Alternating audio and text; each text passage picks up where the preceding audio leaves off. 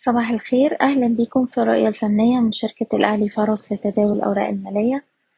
تلاتة وعشرين نوفمبر ألفين تلاتة وعشرين.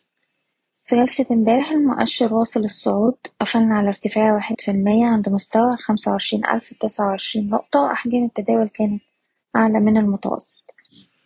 المؤشر دلوقتي في مواجهة منطقة المقاومة الممتدة ما بين الخمسة وعشرين ألف والخمسة وعشرين ألف تلتمية سبعة وتلاتين نقطة.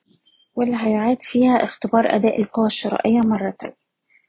من الناحية التانية تركيزنا بقى على مستوى الدعم الأربعة وعشرين ألف نقطة.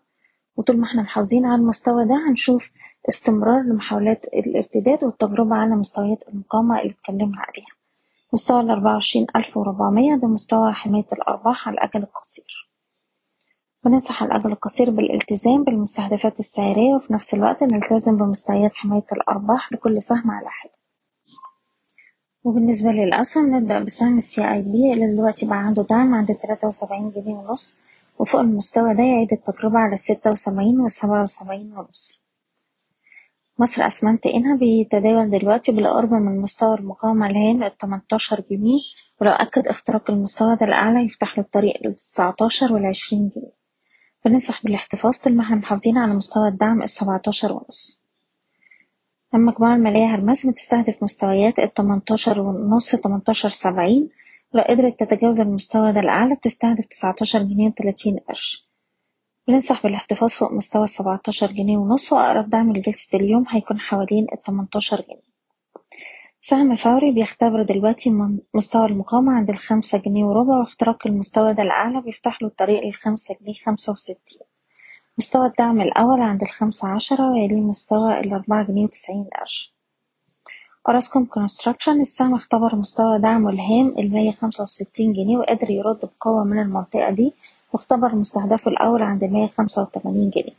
ونتوقع مزيد من الصعود واستهداف مستويات المية خمسة وتسعين جنيه. سهم جهينة شايفينه بيستهدف مستوى الخمستاشر جنيه وتسعين قرش. طول ما إحنا محافظين على مستوى الدعم الأربعتاشر جنيه. أقرب مستويات دعم حوالين الأربعتاشر تمانين والأربعتاشر ونص. سهم بالم هيلز بيستهدف مستويات التلاتة عشرة والتلاتة وربع طول ما إحنا محافظين على اتنين تمانين.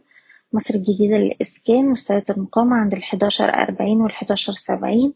طول ما إحنا محافظين على مستوى العشرة جنيه وأربعين قرش. طلعت مصطفى بيستهدف مستويات الخمسة وعشرين ونص ستة وعشرين ونص. طول ما إحنا محافظين على مستوى التلاتة وعشرين ونص.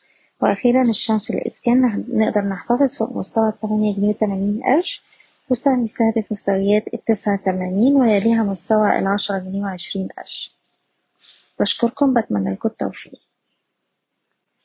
إيضاح الشركة غير مسؤولة عن أي قرارات استثمارية يتم اتخاذها بناء على هذا التسجيل.